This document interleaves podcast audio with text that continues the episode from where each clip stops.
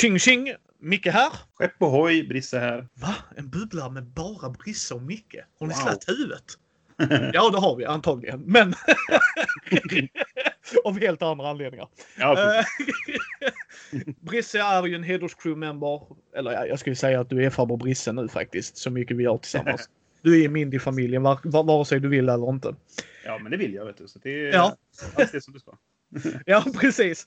Thomas och jag brukar göra topp 10-listor. Och det hade jag gärna gjort med Brisse i brädspel också. Men Brisse har något som, jag tror, vad är det ordet letar efter? Just det, liv kallas det. Så är det.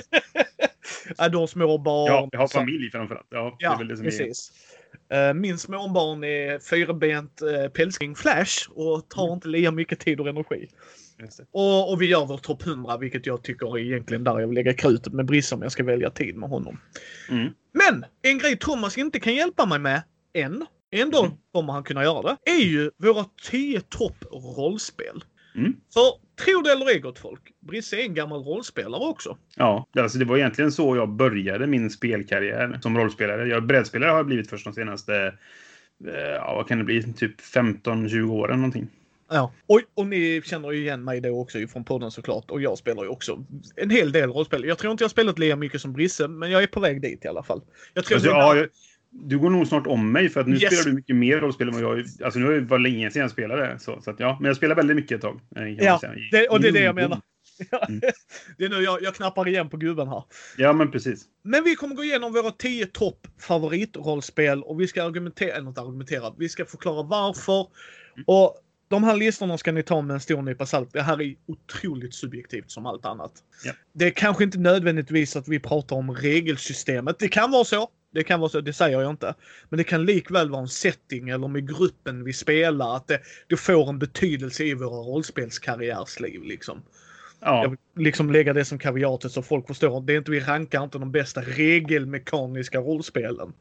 Nej, det, det- är lite blandat eh, mina anledningar så att säga. Men det Ja. kommer ju. Ja men precis, jag vill bara göra en disclaimer där Brisse för jag tycker det är viktigt att folk förstår. jag tycker du ska få börja med din nummer 10 då Brisse. Vi Okej. hoppar rätt in i det. Jajamän. Min nummer 10 är ett spel som heter Godlike. Det är ett superhjälterollspel i andra världskriget-setting. Känner du till det? Du ser, Nej, du ser, eh, ja, men jag blev, jag blev otroligt intrigued så Mm. carry on. Eh, det alltså, man kan säga så här, vi kommer märka det senare kanske också då, men det, det finns tre stycken liksom genrer som jag vurmar lite extra för och det är västern, andra världskriget och superhjältar. Och här, här har vi liksom två av de sakerna på ett ställe, vilket gör att jag var tvungen att skaffa det här när det kom. Det är ett halvgammalt spel nu vid det här laget. Men och anledningen till att det hamnar på plats 10 det är egentligen för att det är ganska svårspelat. För att det har ett väldigt bra regelsystem. Eh, de, de använder något som heter One Roll Engine, vilket innebär att du använder T10 och när du slår dem så slår du bara ett slag oavsett vad det är du gör. Även om du ska göra flera handlingar eller sådana här saker. Och du får initiativ och du får skada och du får träffområde från samma slag. Så att om, jag, om det är en situation där jag till exempel ska skjuta på någon så slår jag ett slag och så ser jag hur du, du får det som kallas vidd och höjd pratar de om i spelet. Och vidden är ju fler tärningar som matchar varandra desto bredare är resultatet. Och det, och det vidden har med snabbhet att göra. Och höjden är ju högre siffra som matchar. Så att du slår ett gäng T10 eh, och sen säg att jag får två åttor till exempel. Då har jag en höjd på åtta med en vidd på två. Och det avgör liksom både snabbheten och höjden avgör hur bra man lyckas med någonting. Så att ju, ju högre siffror du, du får desto bättre lyckas du så att säga. Då, va? Och åtta är då även träffområdet och det är hur mycket skada du gör. Så att allting kommer av en grej. Ska jag göra flera handlingar så behöver jag ha flera stycken par eller trissar eller vad det nu kan vara då. Så att det, det kan helt enkelt göra att jag misslyckas med att göra handlingar och då lyckas jag med min huvudhandling så att säga. Då. Alltså att jag kör bil samtidigt som jag ska skjuta ut genom fönstret. Då kanske jag misslyckas med skottet men jag lyckas med bilkörningen eller vad det nu kan vara då. Och sen till det då så läggs dessutom då att det finns ett system för superkrafter eftersom det är ett superhjälterollspel. Som de, har, de, kallar det för cafeteria style. Där det är du kan plocka lite grann vad du vill. Man skulle kunna kalla det smörgåsbord kanske på svenska. Eh, så du kan, du kan plocka, jag vill ha lite detta, jag vill lite detta. Och alla krafterna är, du kan eh, tweaka dem väldigt mycket. Mitt favoritexempel är nog om du ska ha kraften att kunna vara osynlig till exempel. Ja, men då kostar det. Det är det är inte jättedyrt att bli osynlig till exempel. Då köper du lite tärningar i osynlighetskraften så att säga. Va? Men om du sen vill kunna se någonting när du är osynlig, för att annars gör du ljuset passerar rakt igenom dig. Och då passerar det även genom vad det, tappar och stavar i dina ögon. Vilket innebär att vill du kunna se någonting så måste du tweaka det för att bryta mot då Ah. fysikens lagar så att säga. Och då blir det dyrare. Så att du, du, kan vara osynlig men du ser du ingenting till exempel. Alltså det älskar jag ändå. Ja, men, ja, men, ja, och det- liksom för det är det så här. Jag är ju gudomlig! Mm. Ja fast nu står du bara still. Ja just det, måste jag, måste jag kunna gå också? Jaha okej. Precis, för det är en annan sån. Om du ska kunna fasa genom material, absolut det kan du göra. För då, då gör det att dina molekyler inte interagerar med molekylerna i, i världen omkring det liksom. Men vill du kunna andas när du gör det? För din kropp Eh, alltså, interagerar ju inte med syremolekyler heller. Ja, nej men okej. Och vill du inte kunna sjunka ner i marken bara för att du står still? Så, nej, då okej, för gravitationen. Alltså, ja, det är massa sådana saker. Och sen så finns det då, eh, du har tre sorters tärningar i spelet egentligen. Du har vanliga tärningar och så har du hard dice. Och de slår du inte, utan en hard dice är automatiskt en tia. Du, du kan ganska lätt få par då med hög höjd för att du sätter dem till dior så att säga. Och så finns det wiggle dice som du inte heller slår utan de sätter du när du har slagit slaget. Och du sätter dem till vad du vill. Så då är det väldigt lätt att få bra bredd.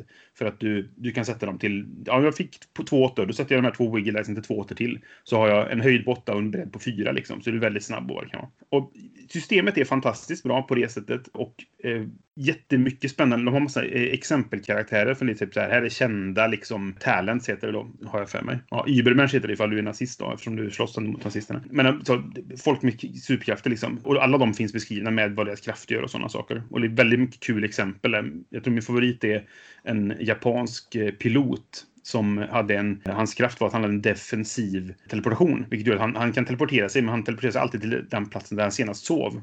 Så mot slutet av kriget så sov han på ett hangarfartyg och gjorde så här fem, sex, sju kamikaze-runs själv varje dag. För att han upp i ett flygplan, ner mot ett, ett, ett, ett amerikanskt eh, skepp då och sen så teleporterar han sig tillbaka till, och så in i ett nytt plan och så iväg igen. Så. Och det mycket sådana saker. Men det som gör att det kanske hamnar på plats 10 då är just det här att det är väldigt svårt att spela detta. För att jag tycker, eller för mig då i alla fall, det finns säkert massa folk som spelar det väldigt mycket. Men jag tycker att strider i spel, de blir snabbt tråkiga. Det är jättespännande en stund, men sen blir det så här, nu har vi gjort det här ett tag, vi vill komma till ett avslut liksom så vi kan spela vidare på det nu. Och det, i ett krigsspel så är det mycket strid. Yes, Konstigt ja? Det är inte så, Så- vi kör andra världskriget, byråkraterna. Jaha, då stämplar vi detta pappret då.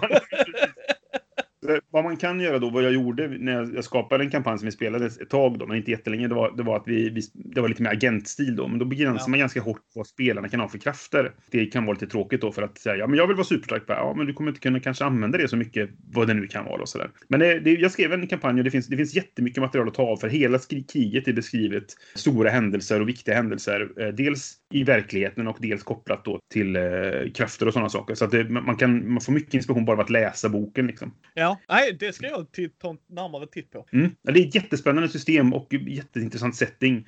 Och det går att göra saker av det, men man måste vara lite specifik i vad man gör liksom för typ av äventyr kan man säga. Ja, min nummer 10 är DC Adventures. Mm. Ja, det kunde jag ju ana att det skulle komma. Jag trodde det skulle komma högre upp kanske på din lista dock. Nej, det kommer så långt ner för att systemet i sig är inte perfekt. Nej. Det är ju från Mutant and Masterminds och jag vet att det är folk som gillar Mutant and Masterminds. Jag är inte ett jättestort fan av det. Enda anledningen varför jag har spelat det är för att det är DC Adventures. Ja. Och det är två faktorer här. Ett, jag får spela i DC-universumet. Hello! Eh, Vem vill inte göra det? Två, det var här jag började spelleda. Mm. Det var det här systemet som satte igång mig och spelleda och det här är en av de längsta kampanjerna, sammanhängande kampanjer vi har kört. Jag tror den var i tre, tre och ett halvt år eller något sånt. Mm. Och systemet i sig, det är D20-system. Nu, jag kommer inte ihåg om detta är tre, det är inte det nyaste Mutant and Mastermind ska också sägas. Så det, absolut om jag skulle ta en titt på det. Men det är ju en D20. Men sen har de en grej jag inte gillar jättemycket. Du har inte liv i liv, utan du har ett värde som du ska kontra med hur hårt Brisse slår mot bin. Så ska man kolla på hans försvarsvärde och så ska jag gå in i en tabell och redan där har du förlorat mig. För att det Mm. blir inte snabbt enkelt. Nej. Det är liksom, jag vill inte se matten bakom Batmans slag mot Jokern. Jag vill bara, kan, kan vi slå? Alltså, eh, magisystemet i sig är också sådär, inte så smidigt som jag skulle vilja ha det. Nej. Men illustrationerna är ju från comic booksen. Så att jag menar, de är ju Jag har Batman på min hylla. Så bara, hello! Det är inte jättedåligt. Jag spelar det gärna, men det är inte så smidigt som jag skulle kunna se att det skulle vilja vara. För jag är en rollspelare. Jag, jag gillar crunchy regler också. Det kan Mm. jag absolut. Jag har spelat Starfinders bland annat som är ändå rätt crunchy tycker jag. Jag har spelat 3.5 som kan vara crunchy med om man väljer att köra på det liksom raw där. Mm. Men de spelen, även om de är crunchy, så är de ändå smidiga. Alltså crunchyheten kommer i hur jag gör karaktären, hur Brisse och jag använder våra förmågor till att göra grejer. Inte att nu rullar Brisse en tärning, nu ska vi se här. Det är som första västern som Pumpar pratar om. Mm. Nu ska jag skjuta! Rassel, rassel, rassel, rassel, rassel, rassel. 40 minuter senare, ah, han missar. Okej, Brisse bara skjuter tillbaks. Rassel, rassel, rassel, rassel, rassel, rassel. Nu har det ju förändrats jättemycket. Jag, jag dissar Mm. inte västern. Men han menade på att det var ju inte en snabb shootout längre. Nej. alltså, och det är lite så med DC Adventure så att jag har alla böckerna. Mm. Här kom fyra böcker. Jag kommer aldrig sälja dem Brisse. Finns inte. Finns inte. Nej. Men det är på tionde plats för att systemet är inte så bra som jag skulle vilja ha det. Men det, det var ändå det som grundade min spelledarbana. Och som Mm. i slutändan gjorde att jag har en podd, tror jag faktiskt. För att det är det Mm. som har gjort mig djupare in i hobbyn och det. Just det. Så att, liksom, DC Adventure som är nummer 10. Nummer nio. Vi hoppar till nummer 9, Brisse. Yes. har vi där? På plats nummer nio har jag Puppet Land. Som väl också kanske är ett spel som folk inte har så många har hört talas om. Det, det är ett väldigt litet spel egentligen. Som, det kommer i ett litet häfte som är vad en sån klassisk 48-siders eh, supplement nästan sådär. Eh, som dessutom är ett annat spel. Om man vänder på det så, så är det ett annat spel som heter Power Kill på baksidan. Eh, och, och båda de här två är en del av att jag gillar detta. Men, men eh, anledningen till Puppet den det är framförallt settingen egentligen och hur det är skapat. För det är, det är nästan lite eh, samberättande. Är det inte, du har en, en, en Puppet Master då, alltså spelledaren så att säga. Men det, det är lite eh, nästan eh, systemlöst. Inte så riktigt, men nästan så. Eh, det handlar i alla fall om ett land som skapat av, av eh, en, en dockmakare då. Där alla spelar eh, dockor av något slag. Du kan vara fingerdockor, Kasperdockor, marionetter och sådana här skuggmarionetter. Och alla har sin... Det, det, det här är liksom regelmässiga kommer in då. Att alla har sina fördelar och nackdelar. Till exempel en marionettdocka är väldigt stark för den är väldigt stor. Men den är inte så smidig. Och den har svårt för att gömma sig. Alla har en sån här can, can't och, och eh, eh, vad det nu är som förmågor. Så eh, en, en, en fingerdocka till exempel can not lift stuff. Eller can not lift stuff för att den har inga armar. Eh, till exempel. Medan den kan gömma sig lätt för den är liten och den är snabb och sådär. Och sen finns det fyra regler tror jag det är. Jag kommer faktiskt inte skärm nu, men första är att eh, en timme är en timme och den är en timme är gyllene eller vad något sånt där, fast på engelska då. Och det innebär att du spelar alltid spelet i en timme i realtid. Sen kan spelet utspela sig under längre tid, men det, det, du spelar bara en timme för det är korta stories liksom. Och nästa gång så vaknar dockorna i sin säng igen och så är det en ny dag. Det är som ett avsnitt i en tv-serie lite grann. Och sen andra regeln är att vad du än säger, säger din docka. För att man, man, så man kan inte prata utanför roll liksom. Man kan skicka lappar till spelaren om man verkligen, verkligen måste. Men man, man ska helst alltid tala i roll liksom. Oh. Tredje regeln tror jag, eller om det är fjärde, jag kommer inte eh, exakt. Men det är så här att du ska berätta historien som att det är någon som läser den. Eller som att det är någon som lyssnar på en saga som berättas. Så du, du ska hela tiden beskriva vad du gör och du ska försöka få in eh, narrativet i hur du pratar liksom och sådär. Och sen är, sen är den, till det då, så är settingen extremt mörk. Eh, vilket jag gillar den kontrasten där. För eh, då är det liksom den här som skapade dockorna från the, the, the Dollmaker. Han mördades av Punch. Du har ju Punch och Judy som är de klassiska dockorna i, i, i ja, men, dockvärlden, eller ska man säga sådär. Och Punch dödade, han kallas för Punch the Maker Killer nu då, för han dödade honom, skar av hans ansikte och spikade fast det på sitt eget ansikte. Och han styr då Puppet Land med järnhand med hjälp av sina boys, som är sju stycken tror jag de är. Andra dockor som han gjorde av skinnet från do- dockmakaren då. Inte Eh, alls och- mörkt.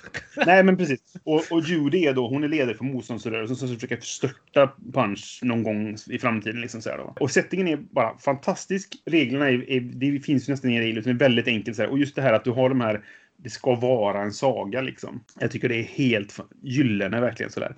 Ja. Sen har jag aldrig spelat spelet. För det, det är svårt att spela. Men jag, under väldigt lång tid har jag haft en idé om att jag skulle vilja skriva en, en julkalender. I och med att du spelar en timme och så kan du göra 24 delar och så spelar man dem och sen när det är slut så stor final den 24 eller sådär då. Men logistiken är att få samma grupp att spela varje dag i december, inklusive julafton. Den är lite svår att få ihop tror jag liksom. Gör du det till en AP-grej, actual play, då Mm. hade jag gärna gjort det på distans Ja, men kan jag, för då kan man spela in det i förväg och så och Yes. spel, sänder man det inom citationstecken i december. Det skulle man kunna göra. Vi får se, kanske någon gång i framtiden. Ja. Och Ja. sen då, plus detta, så finns det då, som sagt, om du vänder på boken så har du, det är kanske bara är tre, fyra sidor någonting, så har du någonting som heter Powerkill. Och det är egentligen ett metarollspel som går ut på att du spelar Powerkill efter du har haft en vanlig session i ditt klassiska rollspel. Eh, helst då ett spel som eh, typisk Murder Hobos-stil sådär, där du mördar folk och, och bara bryr dig inte om konsekvenserna och sådana saker. För i Powerkill så spelar spelledaren en psykolog som pratar med karaktärerna och frågar hur är det du beter dig egentligen? Och hur tänkte du när du slaktade den här byn och tog deras mat? Liksom? Och så är det bara ett kul sätt att prata kring rollspel egentligen och hur, hur man beter sig i rollspel och kanske problematisera vissa saker som man gör då i rollspel. Sådär. Och det, det har jag inte heller spelat, men jag, det inspirerade mig och, och eh, min vän Johan att skriva ett scenario som heter Spelmötet. Ett kommentscenario som är systemlöst då. Som handlar precis om detta, mer eller mindre. Så, så, så att det, det är en liten bonus till Papper Den. Papper Den är ett fantastiskt spel och så är det dessutom Powerkill som är en kul extra grej då liksom. Ja, min nummer nio är Hollow Earth Expedition. Okej? Har du spelat det? Nej, jag känner faktiskt inte ens till det. Det är ett, tänker folk, det låter väldigt pulpigt. Det är ett pulprollspel. Rätt upp och ner. Ja. Systemet i sig är rätt enkelt för det är ett poolbyggarsystem där tärningen, du ska ju helst ha likadana tärningar, men så länge de har D4, D6 och D8, du ska inte ha någon speciell tärning. Mm. Du väljer, jag tror boken säger att jämnt antal är lyckat och ojämnt är misslyckat. Jag tror det är så de har valt att säga det, men egentligen så spelar det ingen roll bara ni har konsensus om det. Liksom Ja, visst. alla jämna tal är lyckade.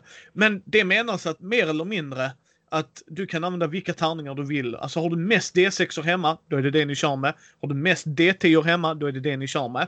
Ja, ja. Och det är under andra världskriget. Mm.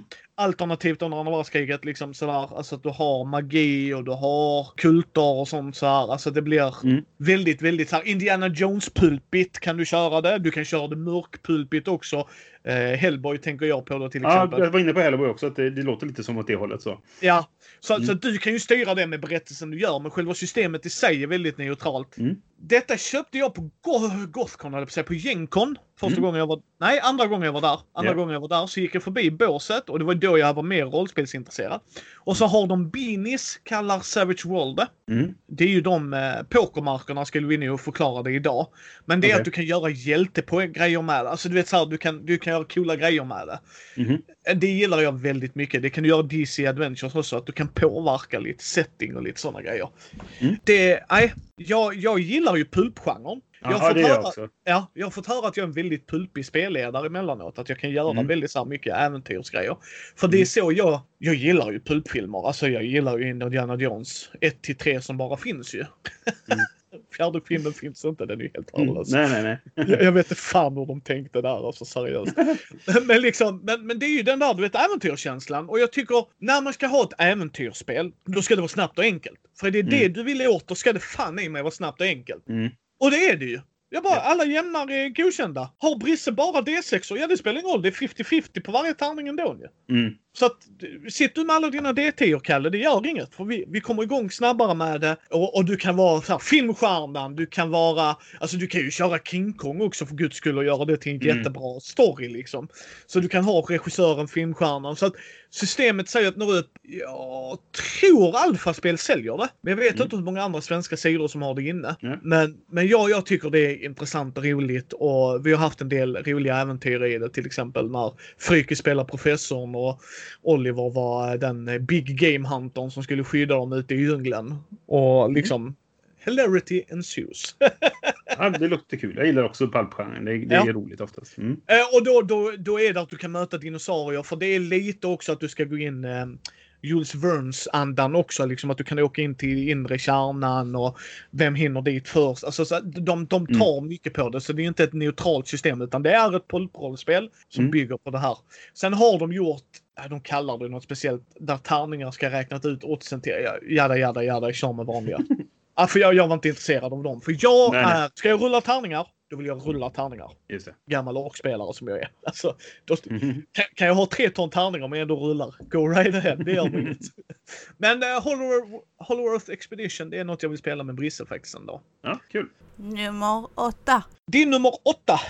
Nummer åtta är en eh, veritabel svensk klassiker. Det är Drakar och Demoner. Och det är nog 99% nostalgi från min sida. För det här var det bland det första jag spelade. Det var, det var det första jag spelade. Och det är nog det jag har spelat mest av egentligen. Och spel, jag spelet också, men jag har nog spelat mer Drakar och Demoner än vad jag spelat. För det här var liksom det jag, vi körde när jag var liten. Eh, inom citationstecken. När jag, när jag var ung. Yngre. Och det, det är väl framförallt då 91-utgåvan. Eh, vi, är det vi började, nej, nej, det är den nej. som kom efter Expert. Vi började lite grann med Expert, men sen kom 91-utgåvan precis när vi hade börjat våran seriösa i citationstecken rollspelskarriär. När jag var, vad var jag då, 13, 14 någonting sådär. Då, då tog det fart ordentligt. Så vi hade börjat med expert tidigare, men så 91 är det vi spelat mest tror jag. Och vi har spelat igenom sådana här klassiska, 50 konfluxen var ju det vi spelade igenom. Den tog ju så lång tid att komma ut så att vi var ju nästan vuxna liksom när, den, när vi avslutade den kampanjen sådär. Och ja, det väl inte vad man ska säga om Drakar alla, alla känner väl till det mer eller mindre. Alla ja. som lyssnar på det i alla fall känner väl till settingen och så vidare. Men det, det är mycket för att det är det jag har spelat väldigt mycket av och som jag var liksom, ja men starten på min mitt rollspelande. Ja, ja. Liksom. ja det är köpbra. Det är köpbra. Mm. Och det är ju inte värdelöst. Alltså... Nej, nej. Alltså det, det, det är funktionellt det, BRP har ju alltid funkat liksom, för att göra det man det ska göra. så att säga. Liksom. Eh, men sen, sen jag, jag är ju väldigt förtjust i, i Erik Granströms setting liksom, i Trakorien. Vi, vi har spelat mest i Trakorien och jag, jag älskar den settingen. Jag har läst den här Trakorien-boken bara som skönlitteratur massa gånger. Liksom. För att den är så fint gjord. Liksom, och sådär. Eh, och har jag, har jag spelat någonting så har det varit 50 eh, konfluxen framför allt. Liksom. Ja. Mm. Min nummer åtta, det är eh, från ett av de bästa förlagen som jag tycker. Mm. Många förlag där ute som gör jättemycket bra grejer. Men det är ett svenskt förlag eh, som gör inte ett annat spe, spel det andra likt. Och det är därför jag tycker de är ett av de intressanta spelförlagen. Och det är Gudasaga. Mm. Jag gillar Gudasaga för att det är ett low prep rollspel. Och low prep för er som inte förstår lingot här men ändå lite nyfikna på vad det är för spel vi spelar.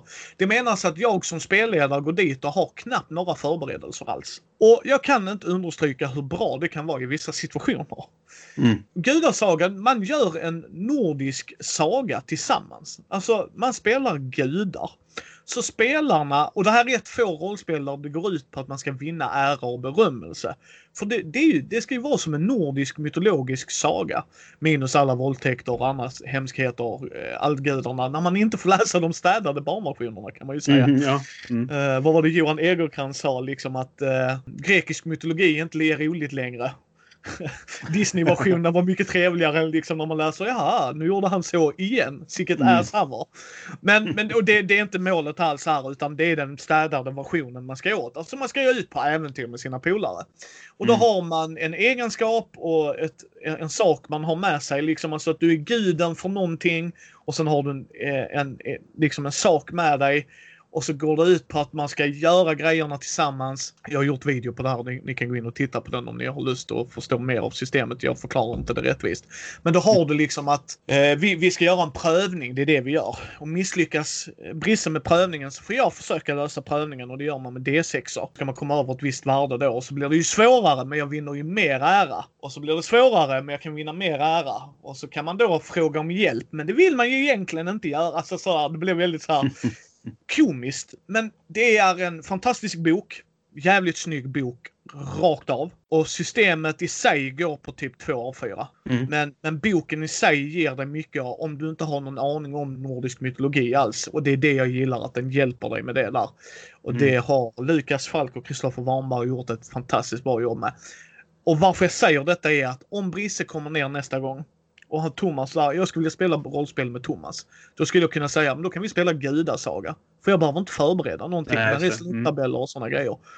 Och där kommer andra spel jag kommer att prata om sånt också sen. Men nummer åtta för mig är Gunarsaga. Jag tycker det är så mysigt. Mm. Spelat det många gånger och bara, ja men det här funkar jättebra. Får vara där. Det låter kul och jag gillar settingen också. Vi, jag, spelade, jag har inte spelat Gudasaga, men för några år sedan, eller ganska många år sedan nu, så spelade jag min, min vän eh, Ola Jansson gillar att göra rollspel fast släpper dem aldrig. Utan han, han, han är aldrig klar med dem. Alltså han utvecklar, fortsätter utveckla och, så, så här, och sen går det över i en annan setting eller ett annat tema eller ja, en ny regel men det passar bättre till detta vad det nu kan vara. Och där spelade vi en kampanj, en kort kampanj som var att vi spelar barn till gud, nordiska gudar. Så det är lite, lite åt det hållet liksom sådär. Och, och ja, regelsystemet är inte det viktiga utan det var mer settingen. Så där. Det var en fantastisk upplevelse. Så att, eh, ja, det låter kul.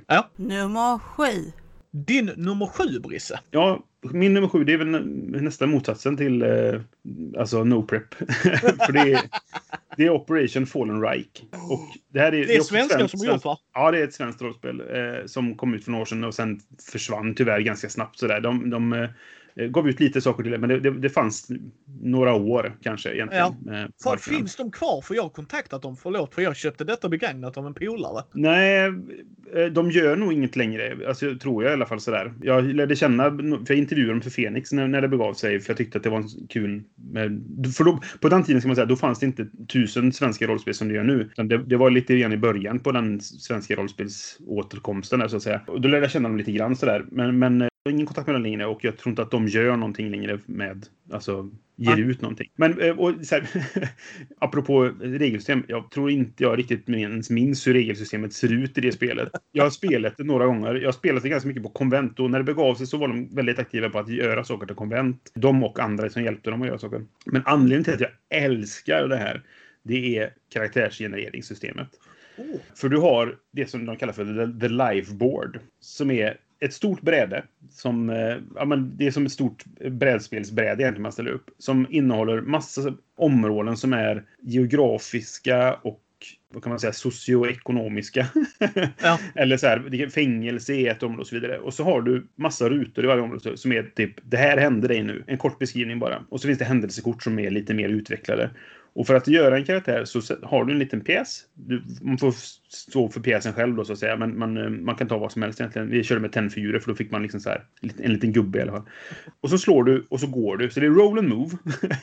Eh, och så går du runt och så händer det saker. Och det ger dig alltså skillsen du bygger upp din karaktär med, hur, hur mycket pengar du har och så. Du får lite grund från, för du har lite kort från början som du startar med som börjar vad du är liksom. Men sen går man runt där och så gör man karaktärer samtidigt så kan man dessutom mötas då. Som att nu är vi båda på samma plats och då kan vi få en anledning till varför, varför träffades vi i Burma eh, 1934 liksom. Vad det nu kan vara sådär. Och så får vi en anledning till varför vi känner varandra och sådana saker. Och det är också väldigt kul att sitta och, och, och um, göra tillsammans just för att om man får någon samma, ah, ja men okej, okay, jag vet inte hur jag ska koppla ihop det här nu.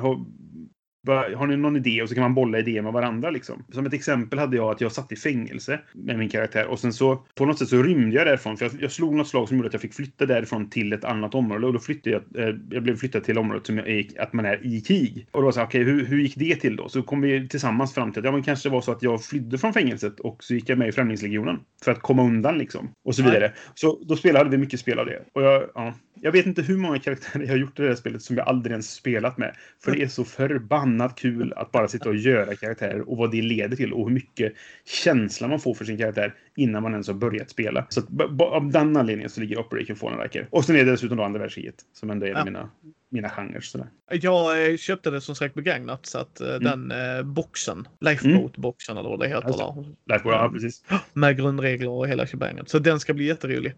Eh, Jag ville köpa spelledarskärmen av dem nämligen, för det fanns. Så att, Ja, just det. Ja, de Mm. släppte ett, ett par eller två äventyr och så någon Yes. sån här kortlek med eh, vapen och sådana grejer ja, jag. Mm, mm. Så jag- jag ska försöka mejla dem också.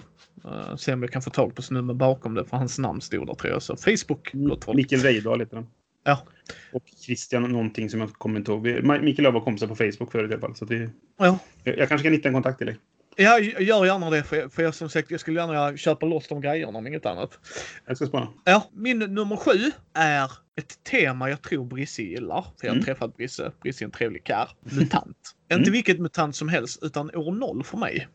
Mm. Jag kanske svär i kyrkan för gamla mutantspelare och jag förstår nostalgin, men jag växte inte upp med MUTANT. Nej. Eh, Så att jag har inte de nostalgiögonen. Och jag har spelat MUTANT 2089 och jag tycker det är helt okej okay och sådär. Men vad jag gillar med MUTANT år 0 och det är egentligen systemet också som framhävs här. Vissa dissar fria ligan för att de återanvänder ett system jättemycket. Och det är inte alla som gör det, men där är en del som bara varför använder du MUTANT år 0-motorn? Year Zero Engine som de säger. Mm. Och jag tycker det är fantastiskt att de gör det. För jag kan säga som spelledare vill jag inte lära mig 17 bapiljoner olika system varje gång. Utan då är det bra att veta att har Brisse jag spelat med Tanteon 0 eller Coriolis eller Väsen eller vilka det nu må vara. Så kan jag säga till Brisse, eh, det här är ändringen. Och då vet Brisse, ja, okej, okay, då kan jag fortfarande grundmotorn. Ja, just det. Han kan grundmotorn, så det här är förändringen. Okej, okay, soft. Mm. Då behöver jag inte det, sitta i 20 minuter liksom. Det, egentligen är det genialiskt. Det jag tror att kanske många kan klaga på det är att när de släpper ett nytt spel så är allting med igen. Istället för att släppa en modul till ett existerande regelsystem. Lite som GURPS eller liknande. Ja. Du, så det, det är kanske därför, jag, jag, vet inte, jag är faktiskt inte insatt i den här diskussionen, men, men det kan väl jag själv ha reagerat lite på. Så jag som har köpt alla MUTANT och nollgrejerna. Aldrig spelat. Inte ens läst särskilt mycket i det. Men jag köpte för att jag är mutant. Vi kommer till mutant senare kanske på min lista. Men ja. Eh, så, så, så, därför så, och då blir det så här. Nu har jag köpt liksom fyra stycken mutantboxar som alla innehåller samma regler. Och sen det tillägg till det då. Och de, de hade nog kunnat göra det på ett annat sätt tänker jag. Där de släpper en, en mutantlåda och noll. Och sen släpper de moduler till det istället. Jag vet inte om det är det folk klagat på. Kanske. Ja, nej, och jag förstår nog på ett sätt att de vill göra varje grej standalone och det köper jag väl på ett sätt. Det, finns, det finns fördelar och nackdelar yes. med det. Liksom, på ja, sätt, ja, precis. Uh, vill ni se så har jag gjort videos på allt MUTANT omhåll. Yeah. det blir en del videos kan jag säga. Det blir en del, ja. Mm. Men det, det köper jag, absolut. Jag personligen bara gillar det. Jag, jag läser det. Nummer 6. Din nummer 6, Brisse. Min nummer 6, nu kommer vi till västern här då. Eh, inte själva västernspelet, utan västerngenren. Och det är ett spel som heter Deadlands. Och det skulle kunna kanske vara västern här, fast jag har inte spelat västern så mycket. För att jag jag vill jättegärna när jag spelar spel ha en liten krydda till det. Inte, alltså vanliga västern, det är för vanilj för mig på något sätt. Ja. Alltså här, men i Deadlands... Ja, precis. Jag vill ha en knorr på det. Och i Deadlands så är det, finns det ju övernaturligheter då. Och det finns jättemycket övernaturligheter. Det är lite det bästa med X, eh, kan man ja. säga. Sådär. Och settingen är ju egentligen ja, men någon sorts vilda västern. Det utspelar sig 1875-ish, någonting sånt där. Och det har hänt flera saker som gjort att, att uh, världen har förändrats. Så till exempel så de en indian som hette Raven, tror jag det var, öppnade en, en vägen till andevärlden då, så att säga. Då kom det ut massa monster därifrån. Så det, det är en stor förändring. Och sen har man även funnit något som heter eh, Ghost Rock, som är en typ av kol som brinner väldigt effektivt. Men ger ifrån sig ett ylande ljud, vilket gör att det därför låter som osaliga andar. Liksom. Så det har skapat en ny guldrush då, fast en Ghost Rock-rush så att säga. Och sen så på grund av att de hittade detta då så har inbördeskriget inte tagit slut. För de fick så mycket mer grejer på båda sidorna att driva sina krigsmaskiner med så att säga. Så att de, de, eh, inbördeskriget pågår fortfarande tio år senare efter att det egentligen tog slut då historiskt sett. Eh, och det är settingen egentligen så är det massa saker till det. Så det finns magi och det finns eh, eh fantastiska maskiner och det finns eh, eh, monster och allt vad det är. Liksom, och det, vi har spelat det här ganska mycket. Framförallt så är det, det finns ganska mycket böcker utgivet till det. Och det, det som är kul med de böckerna är att allting är helt fullknökat med äventyrsidéer. Det finns en bok som heter eh, River of Blood, tror jag, som handlar om Mississippifloden. Och den boken, det, varje sida så får du inspiration till tre kampanjer som vi, vi höll på med ganska länge. Liksom. Och sen till det så kommer det också då ett regelsystem som jag tycker är väldigt kul. Eh, för att du använder kortlekar, tärningar och pokerchip som en del av spelet. Eh, pokerchip är, det... erfarenhets, erfarenhetspoäng. Så de kan man dels Ja. Förlåt mig, för att jag vet att Deadlands kom och sen använde de Savage Worlds-reglerna va? Ja, ja precis. Det, det, finns en variant på det tror jag. Jag har spelat eh, grundvarianten så att ja. säga. Eh, den, den som, eh, vad är det de heter, Pinnacle yes. går ut. Entertainment, ja. Förlåt ja, mig för att, för att ja, du nämner det med korten och det där. För att där är också lite sådana grejer i den också. Jag tror de har försökt hålla sig till. Så att ni ska ha det i åtanke att Brisse pratar om the original ja. här. Precis, för det är det jag har spelat.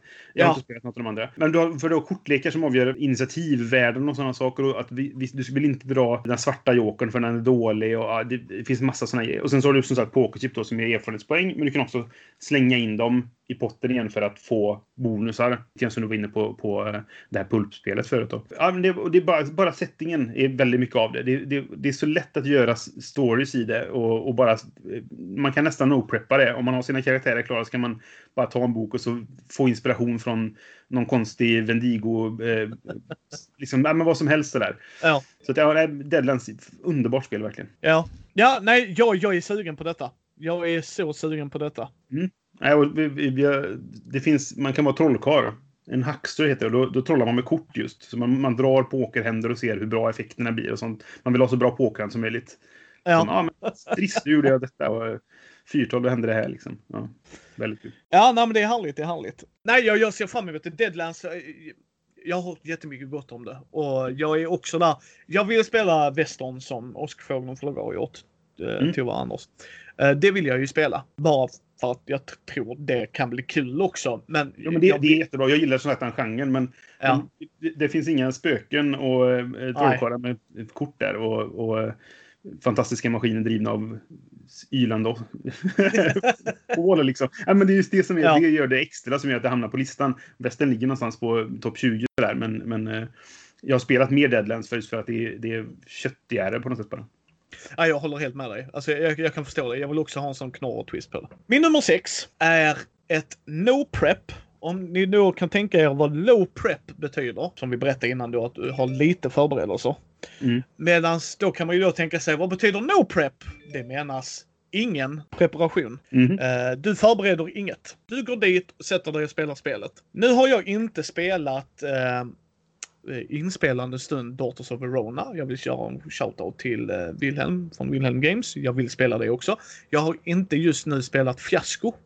Jag vill också Nej. spela det. För det är också ett no-prep-spel. Ja, det, det är ju en del av... Jag har spelat en, det för länge sedan. Det är Ja. ju en del av det att skapa storyn liksom, tillsammans först, när, man, när man börjar spela. Liksom. Vad tyckte du om Fiasko? Jag gillar det. Jag tycker Ja. fiasko. Ja. Det, det, det, den typen av spel eh, som jag var inne på förut, då, det som Ola, och sakerna som Ola Jansson skrev.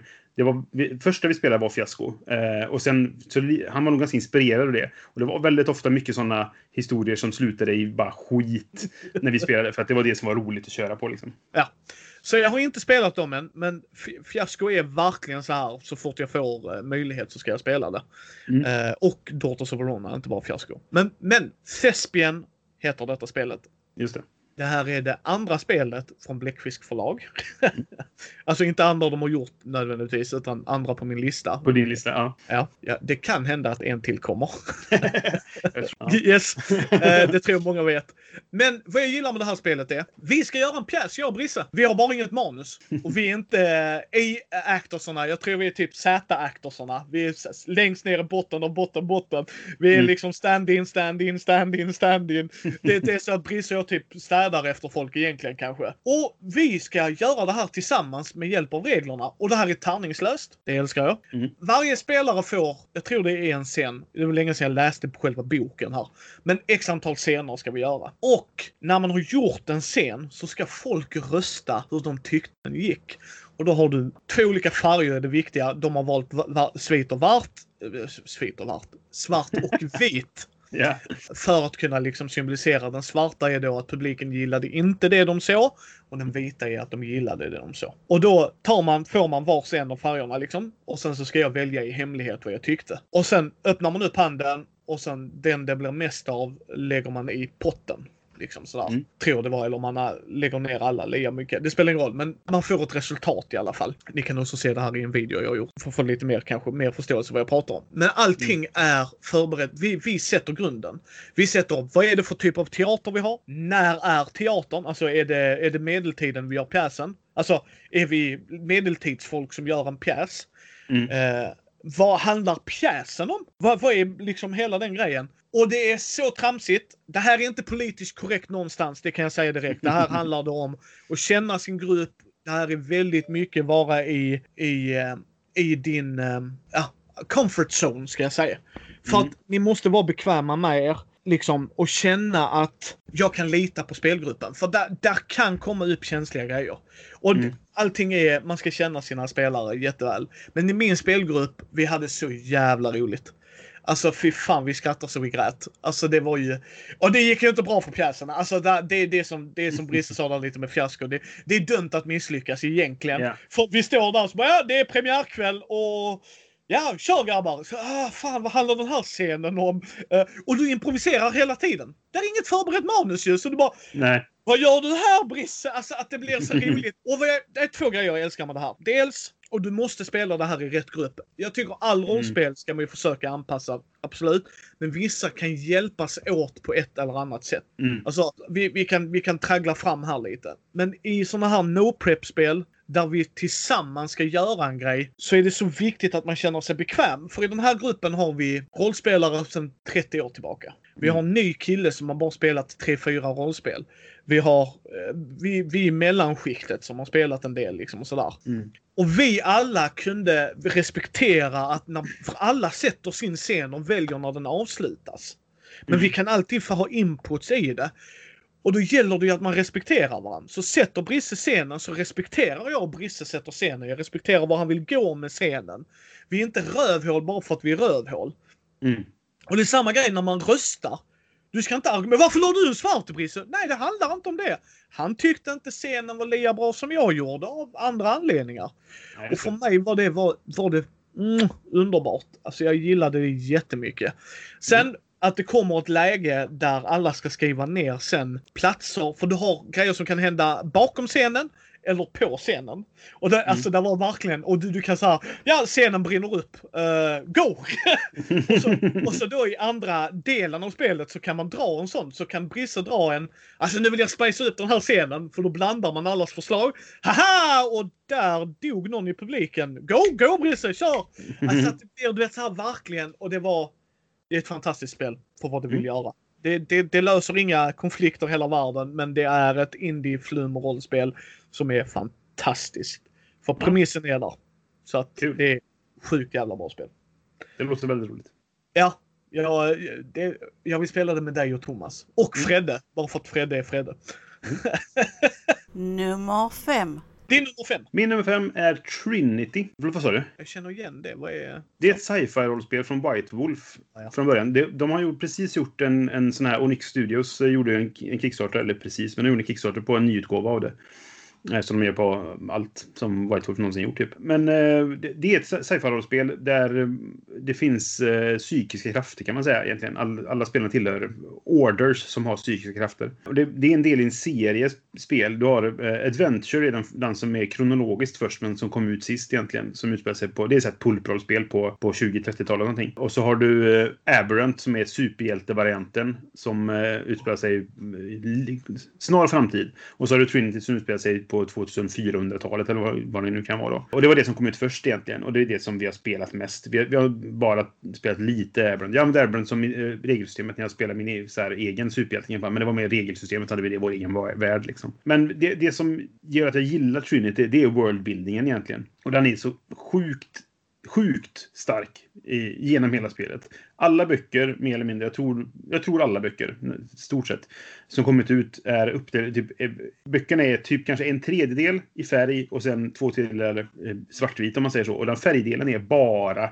Inworld. Det är, allting är skrivet som att det är memos eller reklamfilmer eller intervjuer eller vad det nu kan vara. Allting är skrivet in-world och eh, ger jättemycket känsla för världen. Liksom. Och sen är resten mer en vanlig regelbok med som är skriven till spelarna och spelledaren. Liksom. Eh, och det finns böcker som bara är inworld. Eh, men som ändå beskriver eh, hur saker funkar i den här världen. Liksom, då, va? Och sen till det då så är det alltså, så att jag gillar superhjältegrejer. Eh, och till det så har du då de här psykkrafterna som är egentligen superförmågor. Eh, sådär. Du kan eh, ha psykokinesi, då kan du göra eld och is och vad det nu är. Så att du, man kan vara i stort sett vilken superhjälte som helst. Men så finns det jättemycket politik i det här då, för du tillhör olika ordnar som har, eh, de är baserade på olika eh, kontinenter. Så att i USA så har du, eh, vad heter de nu, Orgotech, som är ett jättestort företag liksom. Och det som hände var i sättningen är att, att Aberrant, alltså superhjältarna, det blev en superhjälteboom för att folk fick en en, eh, ja, men, vad heter det? en cancersvulst mer eller mindre i hjärnan som gjorde att de utvecklade krafter. Men den ledde också till att de blev eh, onda efter ett tag. Så de, det började med att de var superhjältar men sen blev typ alla superskurkar. Och sen drevs de ifrån jorden för, jag tror det var, jorden var så här, hur ska vi göra detta? Och så gick Kina in och sa så här, okej, okay, vi njukar hela planeten om inte ni sticker nu. Så att om ni vill ha någonting som ni vill hålla på och bossa över så kan ni glömma det. För då kommer vi dö allihop. Vi offrar hellre hela jorden för att ni inte ska kunna göra det. Ni kanske, ni kanske överlever nuclear striken, men ni kommer inte ha någonting kvar att göra sen. Så ni kan lika gärna dra. Och de bara, okej, okay, fuck liksom. jag bara älskar den premissen. Eller lite, lite förenklad variant så, men ja. ja, jo, eh. absolut. Men det är fortfarande en intressant premiss ju. Liksom att jo, antingen är vi slavar för evigt, eller så bara dör vi. Ja, och vi tycker det är värt det kanske då. Men i alla fall, så, så då stack de och så vidare. Och så handlar det mycket om vad som hände efter det. Och det är mycket som har hänt i, till exempel så har the, vad heter det, vad heter det nu då? The bread basket, säger man väl i USA. I centrala USA så har du allt eh, jordbruk mer eller mindre. Det är utslaget för att det sprängdes en, en Nova, hette de då. Alltså innan de blev Aberrants. Det sprängdes en där som hade nuclearkraft. Alltså hela det området är bara ett, en stor mer eller krater som är helt radioaktiv. Vilket ställde till då med matproduktion i USA och så. Du vet, mycket, och det finns så mycket sånt i världen liksom. Som är extremt utfläschat och, och detaljrikt och det finns så mycket att ta av. Lite som Deadlands finns det jättemycket att ta av för att skapa egna saker. Men förutom det, att det finns allt det här att bygga själv på, så finns det dessutom en suverän kampanj skriven till det som är på tre böcker, eh, tre äventyr som eh, Samlingsnamnet är Darkness Revealed tror jag. Jag kommer faktiskt inte ihåg exakt vad han heter. Men det är tre äventyr där det börjar lite så här, ja men lite ganska enkelt och sen bara rampar det upp så in i helvete. Och det är världsom så här förändrande eh, händelser i det sista äventyret liksom. Jättebra kampanj, superspännande och väldigt eh, just att, att den rampar upp på ett bra sätt. Så att, och väldigt mycket som är väldigt bra med Trinity. Så att det, det, och det är inte jättekänt, men det är ett här spel som jag verkligen gillar. Jag ser fram emot att kanske kolla på den nya utgåvan när den är klar nu då. För de ska ge ut allting, eller ge ut nya saker. Jag tror att regelboken är färdig i pdf-form i alla fall. Men jag kommer faktiskt inte ihåg exakt så. Men Trinity, det är min nummer fem. Ja, det, du har gjort mig intrigued min vän. Som vanligt. Mm. Det är därför jag är väldigt intresserad av att höra dina topp 10 mm. Min är nummer, min, min nummer fem. Star Wars Age of Rebellion eller Age of um, Empire eller vad fan de heter. Alltså själva FFGs Star Wars. Mm. Det är inte för hur välskrivna regelböckerna är, för det är de inte. uh, där är jättemycket fluff, det ger jag dem. Jättemycket fluff och det är jättekul. Men snälla, snälla, snälla, snälla, snälla, snälla, snälla, snälla, snälla, sluta betala era författare per ord. Uh, och få dem att förstå att när du gör regeldelen så ska den vara kort och koncist. Jag behöver inte mm. ha 17 000 exempel på en grej. Jag vill ha regeln. Och sen ett exempel eller två. Så jag kan förstå det i kontexten. Det köper mm. jag. Men regelböckerna är värdelösa. Uh, kött mm. för det är ett bra system annars, men var beredd på vilket helvete det är. Ja. Det är så dåligt skrivet så att när någon vid bordet ställer en fråga så suckar tre av oss. och så tittar man, vem tar det? Ja, jag tar det. Okej, okay, skitbra. Fuh, jag dodgar den ju. Ja, nu tar inte jag den. Jag tog den sist. Ah, men god fuck, okej. Okay. men det här är, det är deras Genesis-system. Mm. Jag har inte spelat Genesis. Jag har inte spelat uh, det alls. Men jag har det dö. och, och jag har modulerna och allt det där. Men det är ju att det är ett storydrivet spel. Det ger jag dem faktiskt. För när du väl kommer in i mekaniken så är det ett fantastiskt system tycker jag på så många sätt och vis. Mm. För det första har du mörkerpoäng eller the good side, inte mörkerpoäng som är korealiskt, men du har good side, light side and dark side of the force. Mm. Så man kan göra det för att uppgradera sin tärning, men då flippar du en dutt. Så spelledaren får helt plötsligt mer poäng. Mm. Vice versa kan han göra det också, eller hon, hen, kan ju också för att här, ställa till jäkelskap. Och det kan du använda antingen höja tärningen eller förändra en scen. Att, men hade inte jag väskan med mig ändå, Brisse? Flippar. Mm. Liksom, sådana grejer. Och inom rimlighetens gräns liksom. Så, hade inte jag Luke Skywalker på min Nej, nej, du kan inte göra så. In do all time liksom. Mm. Men du har tärningar som visar svårighetsgraden du gör det på. Så att det är lila och röda tärningar mot gröna D8, lila D8, eh, gula D12 och röda D12. Och du behöver köpa de här tärningarna liksom och sådär. Det är en mm. liten nackdel med spelet i sig. Men när man väl har dem så förstår man varför det fungerar. Det är ju att Brisse frågar mig svårighetsgraden. Liksom, jag, jag vill hoppa över det här eh, mellan de här hustaken liksom i, i den Fingerman Bob Doohickey där vi är liksom. Mm. Ja, är, är han en Mandalorian med en jetpack? Ja, okej, då kanske man inte slå ett slag. Men är han eh, en eh, liten lyntig... Du är en Wookie, de är inte så smidiga. Så han är en Wookie, ska hoppa över här. Ja, okej, men då ser jag att det är tre lila. Du har en svårighetsgrad då, men det är tre lila. Då, Mm. då ska han kolla på sitt papper vilken skill han har. Och här är det tjusiga med systemet, igen. som sagt värdelös regelbok. Men om du har ett grundegenskap som är associerat med din färdighet. Så i grunden så har du ju, eh, vi säger att du har tre i din grundstyrka. Vi säger att det, det är det vi, vi använder agility, jag tror den finns med. Så. Mm. Och sen har vi någon som passar in där, nu, nu tar jag bara en grej ur röven, ni får ursäkta mig folk. Men så har du tre, tre i värdet. Då har du tre gula tärningar. För du har tre i grundegenskapen och tre i färdigheten. Okej. Men har du ett lägre, vi säger 3-2, då får du två gula rön. Ah, okej. Ja, och det är ju jätteintressant liksom att alltså, matchar du det så kan du vara riktigt bra. Och du kan inte vara bäst på allt och jag älskar sådana spel. Jag älskar verkligen sådana spel. För att Mm. jag vill inte vara bäst på allt. Jag är inte intresserad av att spela de typen av rollspel överhuvudtaget. Jag vill inte vara allsmäktig. Mm. Jag, jag är inte intresserad av det. Jag vill gärna uppnå allsmäktighet. Det kan jag sträva emot liksom så här, men där ska kampanjen avslutas i så fall. För jag vill inte springa runt och vara godlike liksom. Det är en personlig preferens. Mm. Och sen har du, här är en annan negativ grej. Du har talangträd där du får olika effekter. Men du måste följa talangträdet. Mm. Och hur det är konstruerat det är för mig helt jävla... De har sä säkert försökt balansera ut det. Men det var liksom, du kan inte hoppa ner till en rad utan du måste följa. Så det kanske tar sju, ja, massa XP senare för att komma dit. Eh, Mm. Jag var kanske inte, då tyckte jag att då kunde de bara gjort en linje ner istället.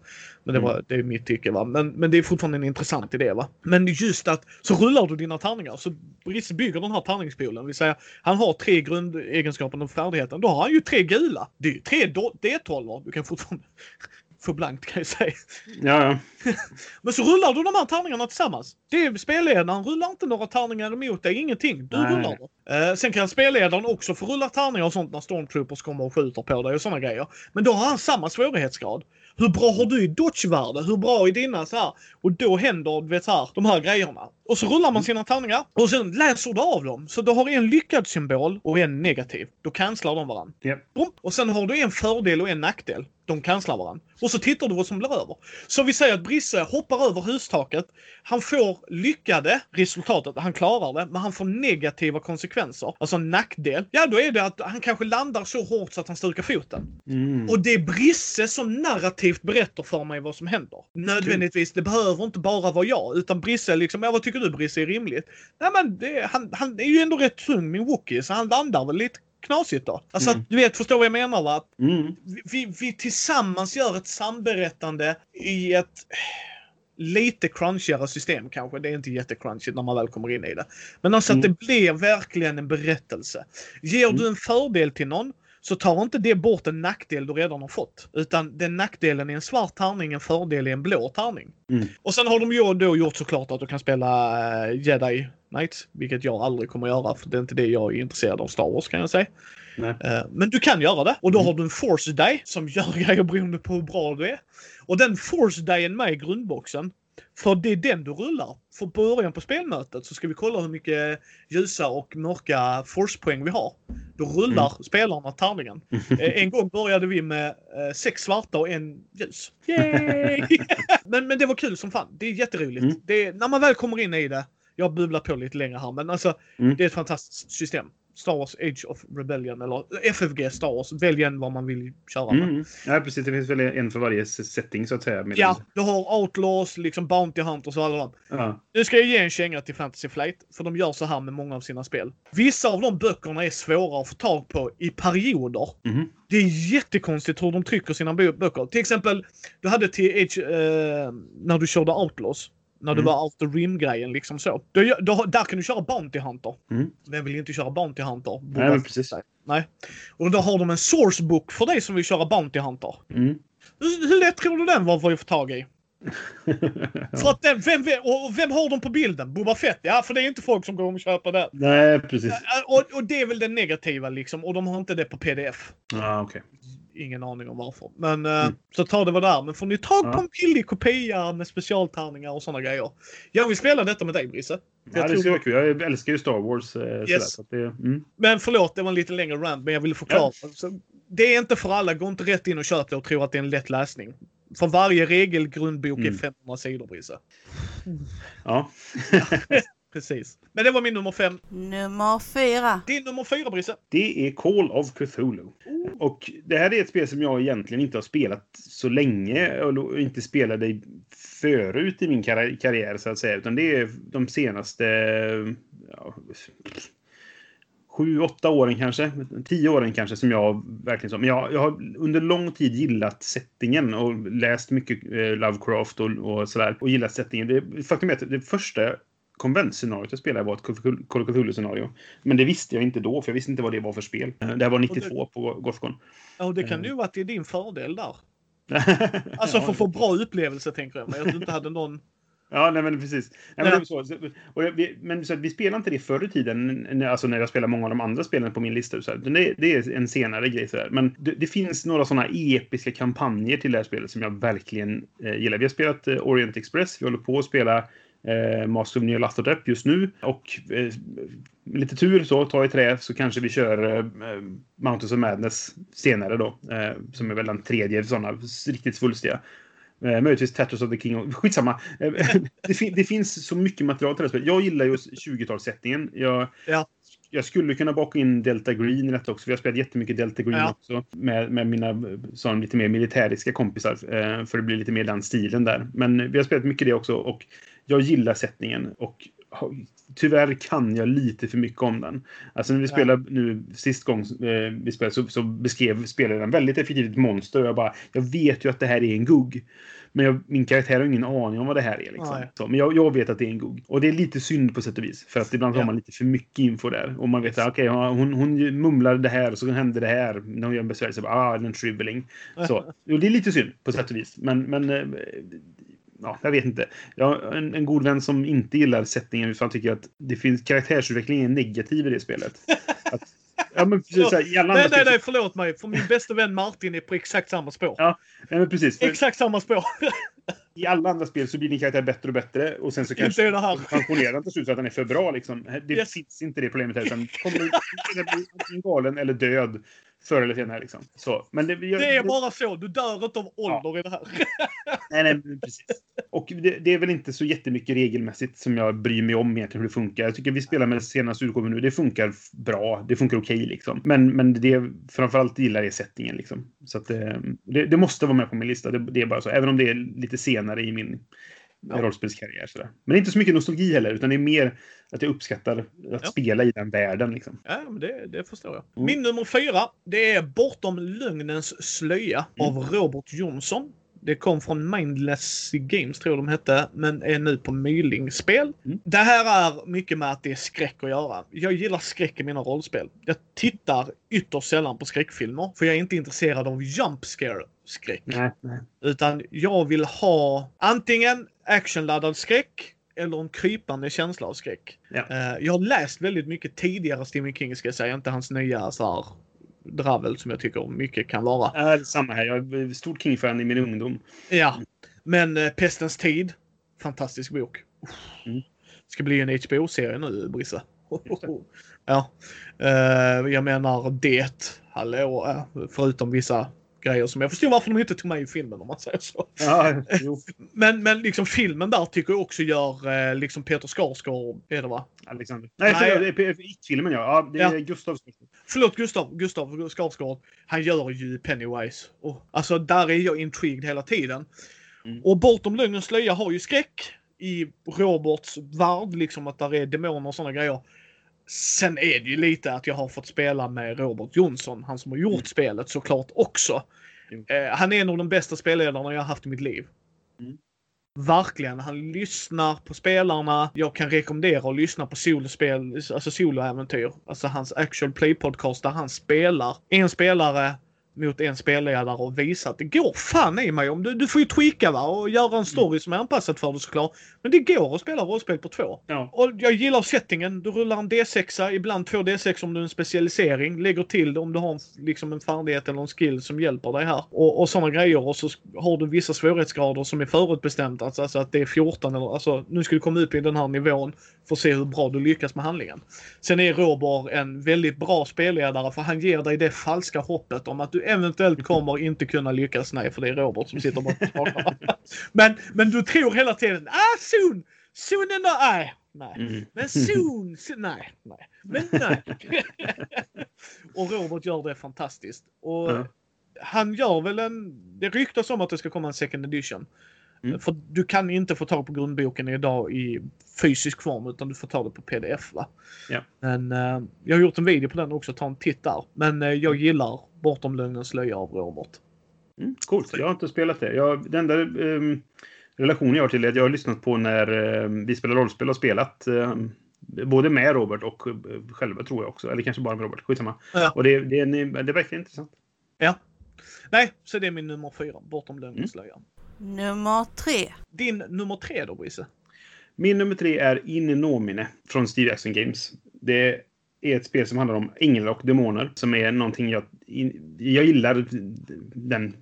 Jag är inte religiös av mig, men jag tycker att kriget mellan himlen och helvetet, någon sån sorts setting, är väldigt intressant. Och Inomina har dessutom då den settingen med en ordentlig skopa humor i det. Ganska mörk humor, men ändå humor liksom. Och det, det, är, ja, ja, det är settingen som är det. Regelsystemet är okej. Du slår, det, det är lite GURPS-baserat. Du slår 3D6. Där du har två stycken... En är olikfärgad och du har två stycken som visar hur, hur, hur du slår, ska slå under ditt värde, tror jag det är. Och den sista visar hur bra du lyckas. Ju högre siffra du har på den, desto bättre lyckas du, så att säga. Men så har du då, eftersom det är änglar och demoner, så har du, slår du 666 då, för det är tre T6or, eh, så då är det jättebra för en demon och jättedåligt för en ängel. Det är fummel för en, en ängel liksom och, och critical success för en, en demon. Och tvärtom då, slår du 1 1 som motsvarar eh, eller eh, ska motsvara eh, treenigheten då, så är det bra för en ängel och dåligt för en demon. Och sen så är det allting i settingen är baserat på musik. Så att du, du har så här, du har änglakörer och demonband. Du har eh, all, all, all deras övernaturliga förmåga kallas för sånger. Eh, hela, hela världen kallas för symfonin. Om du bryter mot ditt ord, ord kanske inte är så, så eh, sång eller musikbaserat då, men, men alla demoner har tillhör ett ord. Eh, och då har demonprinsarna och, och nu sa jag alla demoner. Alla de här änglar och demoner tillhör ett ord. Och du har ärkeänglarna och demonprinsarna som är de som är, styr över ett ord. Sen har de underkategorier då. Så du har till exempel eh, Michael, the Archangel of War. Sen har han under sig har han liksom eh, the Angel of uh, Siege Weapons, eller vad fan som helst. Liksom. Allting, allting som är underkategoriserat krig då hamnar under en ängel. Och sen finns det, du kanske har The Demon of Fire då. The Demon Prince of Fire, Belial tror jag han heter. Under sig har han då liksom the, the Demon of Dynamite. Uh, och eh, The Demon of Blasting Caps och The Demon of Unexpectedly Short Fuses. Så du kan gå ner på superdetaljnivå i, i orden också sådär. Och ibland kan det vara nästan så att får du ett, att, för att få ett ord belönat till sig, det är en ganska stor ära liksom. Men du kan, nu fick du ett ord som du kanske inte var så bra egentligen. för du har säkert då, någonstans finns det en The Demon of that gucky stuff you scrape from the bottom of your shoe. Det finns säkert en sån demon någonstans. Liksom. Och det kanske inte är det roligaste ordet, men då ska, du, då ska jag fan göra någonting av detta också. Liksom. och bryter du mot ett ord så får du dissonans. Och så här, så det, allting är baserat på, kring liksom, musik och sådär. Det, är en- det är en ganska skön känsla i det. Och så är det bara fullpackat med, med humor liksom. Och allting sånt där. Och även här finns det en, en kampanj då på fem böcker som handlar om ja, men jordens undergång egentligen. Alltså Armageddon mer eller mindre. Men att det är då eventuellt, nu ska jag inte spoila för mycket, men eventuellt så att det är någon som försöker sätta igång det istället för att det sker naturligt då och så vidare. Och som tar en liksom, och det, det, återigen så är det jättelätt att skapa saker till det här spelet. För det finns så mycket setting och det finns så mycket saker du kan bara ta från verkliga världen om ja, men religiösa fanatiker och, och liksom händelser som folk säger har med religion att göra men kanske inte. Och du vet så här. Det finns hur mycket som helst att ta av där. Och fantastiskt roligt också. Det är kul att bara läsa boken ibland så där, för att det, det är så bra skrivet. Eller Ja. kul skrivet. Ja, det är inte något jag har spelat ju. Så att, Nej, och det, det är väl kanske återigen ett svårspelat spel, för vad gör man av det liksom? Och du så här, hela gruppen måste vara på den goda sidan eller den onda sidan, för det blir väldigt svårt när man blandar liksom då. Ja. Eh, jag, jag har spelat både med, med ängla- änglakaraktärer och med demonkaraktärer. Eh, och båda två funkar. Det blir ganska olika hur man spelar. Så är man demoner så blir man ju mer murder hobo-stil. Liksom. Så, men, eh, men det blir väldigt kul setting. Och så här, till saken hör väl att bara för att man är ängel så behöver man inte vara god. Liksom. Det finns en del bus där också liksom, som kan göra dumheter och sånt. Så att, eh, Nej, väldigt kul spel faktiskt. Ja, det, det låter jätteintressant. Min nummer tre är Chock åter från graven. Mm. Jag har inte spelat Original Chock, eller Chill. Nej, som, Inte jag heller faktiskt. Nej, jag har hört mycket positivt och negativt om det spelet kan jag säga. Men Chock åter från graven är pulpskräck kan man väl säga. Alltså, du kan göra precis med vilket skräckrollspel som helst och göra det vad du vill göra det till. Va? Men det är ju i svensk setting och du kan spela utredare och du har hela den episka grejen. Elosso förlag är ju ett förlag jag har koll på för jag tycker Björn och grabbarna där och folket bakom liksom har en väldigt så här, sund inställning och att de drivs av hobbyn och själv spelar rollspel och sådana grejer. Det är så roligt att se när de gör grejer. Mm. Men, men jag gillar idén bakom det. Jag gillar att du kan ha ett specialintresse som du bara Mm. skriver ner. Knyppla är jag skitduktig på. Mm. Och sen är det för spelledaren sen om de kan bygga in det liksom. Ja, just det. Ja, knyppla kanske du inte ska ta, men alltså du kan verkligen ta, ta liksom så här, ah, veteranbilar. Så helt plötsligt Mm. så, nej men det här kan jag väva in, det blev faktiskt jävligt bra. Att eh, det, det kör en bil förbi, Brisse du känner faktiskt igen bilen. Du kan faktiskt säga, ah men det är, du vet blaha blaha liksom, den årsmodellen och den eh, V8, alltså så här verkligen att kunna göra någonting av det. Mm. Och eh, all heder till honom. Jag tycker det är ett snabbt, roligt spel när man väl kommer igång och spelar det liksom. Mm. Nej, så min nummer tre är Chock åter från graven. Ja, kul. Jag, jag äger den utgåvan, men jag har inte läst igenom den. Nej. Gjort videos på detta också gott folk av någon anledning.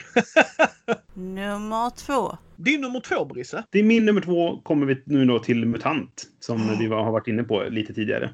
Fy fan, Eh. då är jag jävligt nyfiken på vad din nummer ett är alltså. Ja, precis. Och Mu- MUTANT, nu ska jag sätta ett av utgåvorna som finns nu om MUTANT, så, är, så då sätter jag Undergångens arvtagare. Och Det är från ganska- järnringen va? Precis, det är från Gärningen. Och det, det, anledningen till det är väl egentligen så här. Jag har inte spelat år 0. Jag har köpt på mig saker och jag ska någon gång ska, och jag har hört att det är ett bra system. Men jag spelar så lite rollspel nu för tiden så att det, det har liksom inte funnits en anledning att läsa det egentligen. Och att jag väljer MUTANT överhuvudtaget, det är väl för att det här är det andra spelet jag spelade väldigt mycket när jag var ung. Det, och det här kan man väl säga, det här var det jag spelade mest, så det här är mitt spel. Drakar och Demoner spelade jag mycket, men det var liksom aldrig min grej, utan det var Fredrik, det var han som spelade eh, Drakar och Demoner. Och MUTANT, det var min grej. Vi spelade jättemycket 2089. Det var det jag spelade mest kanske, eh, och spelade mest det där. Jag började med, med alltså original MUTANT 1 och MUTANT 2, så det spelade vi före det. Men sen kom 2089 ut eller svarta lådan som det brukar kallas då, cybermutant eller vad man vill kalla det. Men, men det, det spelar vi jättemycket. Men att det jag väljer att sätta eh, Undergångens arvtagare här, det är mest för att det är det spelet jag har varit mest involverad i, i, i vuxnare ålder så att säga. Ja. Jag var jätteaktiv på det forumet som fanns där. Eh, Jag, jag har inte jag har skrivit en, en eh, äventyrstrilogi som nu är, består av fyra äventyr. Som heter Reservdelstrilogin, som var ett konventsäventyr då liksom. Men som nästan är kanon. För att eh, jag fick hjälp av, av eh, Mattias Jonsson för att, att skriva del... Eller han, han läste del 1 och sen tyckte han det här var kul. Så ringde han, eller vi ringdes upp och så satt han vi och bollade idéer till del 2 och 3 och sen blev det en trilogi som jag sen skrev med en vän Johan då. Och sådär. Och eh, jag, jag har inte skrivit något officiellt material men med, jag skapade, jag bodde i Trollhättan på den tiden nu, så att jag skapade Trollhättan i mutantvärlden som heter Blixbo. Och det finns med i två böcker. Så jag, en liten, liten, liten del har jag haft i utvecklandet av spelet. Men så. Nej, men jag, och jag tycker att den settingen är helt fantastisk. Jag älskar den alltså MUA-världen om man säger så. Ja. För det, jag, jag gillar ju cyberpunk-grejen också som är i 2089 då. Men, men på något sätt så, så blir det mer... Jag gillar verkligen den blandningen av någon sorts eh, 1800-tal och, la- med laserpistoler och muterade djur. Jag, den, den är svårslagen i, som setting och jag tycker Gärningen gjorde ett fantastiskt jobb med, med att skapa den och utveckla den och hålla den vid liv så länge de höll på med det. Jag har inte spelat det själv, men jag har bara hört goda grejer om det. Så att jag Ja, är... ja, jag, jag tycker det är fantastiskt. Så där, Vi spelade aldrig klart tyvärr då, den här stora äventyrssviten. Vi spelade de första två äventyren, men, men eh, sen rann det ut i sanden på grund av att vi blev för vuxna. Eller vad säger man? Flytta Livet ifrån- kom Ja, emellan. men, får- ja, men vi flyttar ifrån varandra och sånt där. Liksom, var så. Men, men någonstans i bakhuvudet finns det en... Alltså, jag skulle någon gång vilja ta upp det igen. Ja. Och de där tre, alltså reservdelstrilogin då med, med en, ett äventyr till sen i, i samma, om samma karaktärer. De, de ligger mig väldigt varmt om hjärtat och de, de där tar jag fram ibland och, och tittar på liksom, för att det, det var väldigt kul att göra dem och arrangera dem på konvent. Då. Ja, ja, jag förstår det Brisse. Jag förstår. Så Min nummer- det, det är Ja. så här. MUTANT är till stor del nostalgi för mig också. För det, det, det, tillsammans med Dr. så var det början på mitt rollspelande. Men jag tycker också att det, det är en fantastisk setting. Det är inte ett jättebra... Alltså regelmässigt struntar jag ganska mycket i. Men att spela i den världen, det är Ja. underbart. Micke och Gunilla har gjort ett jävligt bra jobb där kan jag säga. Mm, ja. Min nummer två, det har du redan nämnt. Vi har faktiskt en crossover. Mm. Om du vet min nummer ett. Förutom MUTANT då, men det var ju inte samma... Nej, nej, men världen. Jag håller med dig om världen. Så Ja. vi, har, vi har en crossover där, det tycker jag. Ja. Du vet ju vad min nummer ett är. Ja, vad ska jag gissa då? Call of Cthulhu? Jajamensan. Ja. Jag älskar det här för det som Martin och Brisses polare inte gillar. Jag vill inte vara den episka. Jag Mm. vill vara en average Joe som bara sakta bryts ner i mörk hemskhet. Ja, Jag tycker det- det, är så Jag jävla- gillar också det, ska jag tillägga. Nej men för att det blir så intressant. Mm. Jag, nu är det så här att jag älskar Brisse. Han är en av mina så här, bästa vänner online. Tyvärr kan vi inte träffas så mycket. Hade jag det så hade jag nog varit mycket mer hos Brisse. För att Mm. jag verkligen älskar dig som vän. Men vi har samma intresse. Jag Mm. älskar postapokalyptisk värld och kan man spela djur i den världen, hey you got me, Anka. Ja. Men även, även om jag inte kan spela Anka, jag tycker det är, det är något som tickle mig childhood fancy liksom. Mm. Serie, det är bara comic book, superhjältar, Brisse och jag är lia där. Alltså, Ja. jag kanske, jag vet inte vad du, jag är ju, Batman är ju min favorit. Jag för mig han är din också, eller i alla fall en av Jag är Marvel-fanboy egentligen, men får Ja. jag välja en superhjälte, verkligen... Om jag ska bara läsa om en superhjälte resten av mitt liv, då är det- blir det Batman. Ja, och jag är ju DC-fanboy, men jag uppskattar Marvel också. Jag kan läsa väldigt mycket Marvel också. Har gjort och kommer fortsätta göra liksom. Men sen har vi så här skräck och just den här. Jag, jag vill inte spela allsmäktig. Jag, jag, det har aldrig lockat mig för att hur utmanar du någon som är allsmäktig? Med rätt spelledare tror jag Brisse kommer alltid sitta vid bordet och tycka att det är fascinerande.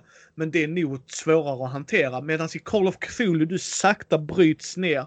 Jag har alltid tyckt att i rollspel att mina val ska spela roll. Och i Call of Cthulhu gör det det. För att när du offrar dig så offrar du dig. Mm. Alltså du, du liksom tar inte upp en bok och läser utan att förstå konsekvenserna av det. Nej. Alltså du går inte djupare in i det mörkret skottfritt. Vill säga att när du sitter där på och googlar på sanatoriumet. Och, och det är ju också så rent om man har en riktigt bra spelledare som be, liksom berättar att de på sanatoriumet har ingen aning om det. Nej, Förstår precis. inte uppoffringen den här individen och, och att du har de stora episka kampanjerna som Horror on the Orient Express, Mask of Növe och eh, men liksom Mountain of Madness och även Mansion of Madness. Alltså att du har alla de stora grejerna att luta dig mot Mm. om man vill ha något så här riktigt så här. Sen är det den amerikanska skolan där det är otroligt mycket text. Mm. Och så, så liten text från, alltså det, ni har inte gjort det lätt för en spelledare att läsa kan jag ju säga. Nej. Jag gillar ju Call of Cthulhu Sverige för att jag gillar settingen. Mm. Jag har gjort videos på de här också. Nej men liksom att du har 20-talssettingen. Jag har gjort videos på detta också för jag tycker Mm. att de tillför någonting. För jag gillar 20-talet i Sverige också. För Mm. du, rent krasst kan du köpa Call of Cthulhu Sverige och köra Mountain of Madness och alla dem. Ja, ja, visst. Mm. Och, och det gillar jag. Alltså bara en tröskel in för folk. För, för jag älskar 20-talet. För en grej jag gillar med de här spelen är att du har... Strider är inte i din favör. Nej. Jag, Nej. jag, jag älskar när man har spelat med folk, oftast på konvent eller det här random grupper. Ja men jag slår den här varulven. Ja, Okej. Jag och Brisse springer. Ja, men, mm. men du vet, så här, men det kan man göra i D&D och då. Absolut. Hur mycket liv har den här varulven Brisse? Ja, den har 5000 liv där. Skitbra. Du gör 10 skada säger du. I'm getting the fuck out of. Ja, men alltså förstår du att det är det som Ja. blir det roliga liksom att du stannar inte och slåss. Alltså det är inget, förutom mot kultister och det såklart. Alltså absolut. Men Ja, men det finns en gräns där också. ja, ja Mm. precis. Eh, för, för att har han lite magic i sig så bara fuck no, hell no. Och jag Ja, gillar... Om de är många. Vi, som, där vi spelar nu så var det så här, vi var utnumrerade inte 1 till, till 10 eller 1 till 100 utan 1 till ett par tusen. Ja. Den, stilen tar man inte heller om vi säger så då. Nej, och det är det som blir så roligt liksom. Man hör folk liksom, vad gör du? Och så hör man den spela. Jag funderar på att skjuta Brisse i knät. Och så bara varför? För då slår de ihjäl han först. Och då hinner jag fly. Och så sitter han, men så kan man ju inte... Fast han har ju ändå en poäng. jag har aldrig gjort så in game för alla skrattar ju bort det. Alltså. Men, Ja. men det var en gång så hade vi en spelare som, nej men offra mig. Gör det. Mm. Alltså, liksom, why not? Ni gillar inte min karaktär. Alltså, så här, och att det är detektivarbete. Och du kan köra Modern Call of Cthulhu. Jag tycker, som du sa, Delta Green har gjort en bra twist på det och sådana grejer också. Sen är det BR, eh, så här, Basic Role Playing System och eh, det kan vi ta vad det är va. Jag, jag, jag föredrar det här varför, framför D20. För att det är lättare att få in nya människor. Hur stor Mm. chans har jag att göra en grej? Vad har du? Ja. 45% chans att lyckas. Precis. Du Mm. har det där. Ja, Men- nej, men visst. Och, eh, vi, vi pratade om det sist gång vi spelade här nu.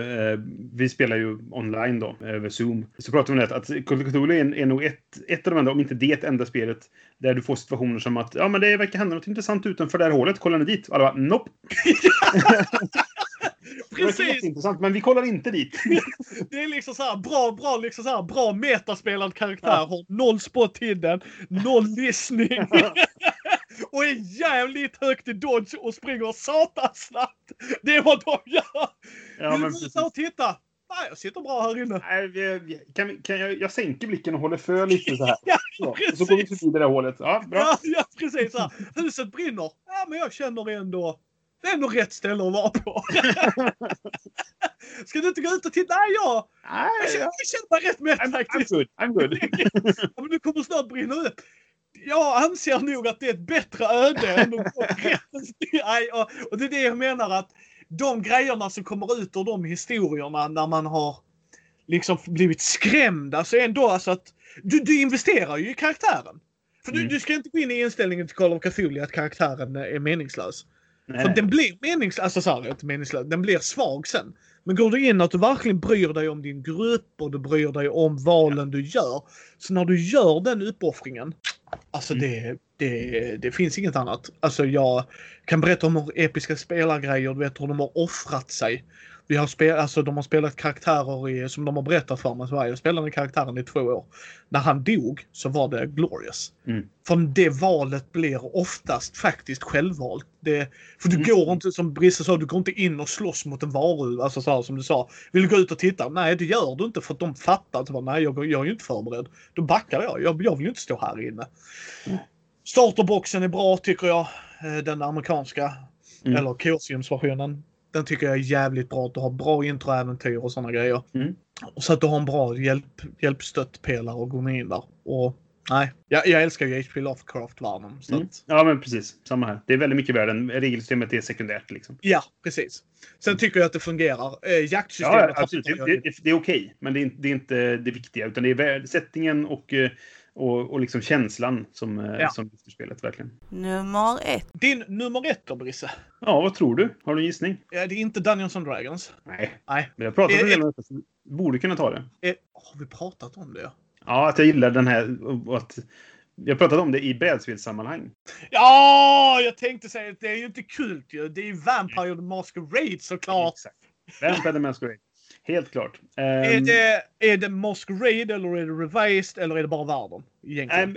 Ja, det, det som är spelat är ju Vampire the Masquerade, inte den här um, The Redemption, eller vad hette den? Revised tror jag den hette. Nej, Revised var väl bara Masquerade fast nya regler så att säga. Ja, nej, ja, ja förlåt. Det, det, det stämmer ja. Men där, där var, det inte. Där kom ju en utgåva där de verkligen dödar av vissa Ja, de gjorde om allting. Ja, men precis. De, de, de gjorde Gehenna-biten och så var Ja. Världens undergång igen. Och så gjorde de en ny setting och så var det ingen som gillade den. Och så gav de ut V5 nu då som Ja. heter. Så 50, 50 edition. Och då, då är de tillbaka till det vanliga fast inte riktigt. Skitsamma. Det, det eh, andra och tredje utgåvan då. Revised var väl tredje utgåvan tror jag. Så det, det är de jag har spelat mest egentligen. Och det här är nog tveklöst det spelet jag, alltså rollspelet jag har spelat mest av allt. Vi hade, jag nästan så att jag säga vi har, för att det, det, rent tekniskt så ligger den bara på is. Och kanske någon gång i framtiden tar vi upp den. Men vi hade en kampanj som vi spelade väldigt länge, under lång tid i Trollhättan, med mina liksom, gamla spelkompisar.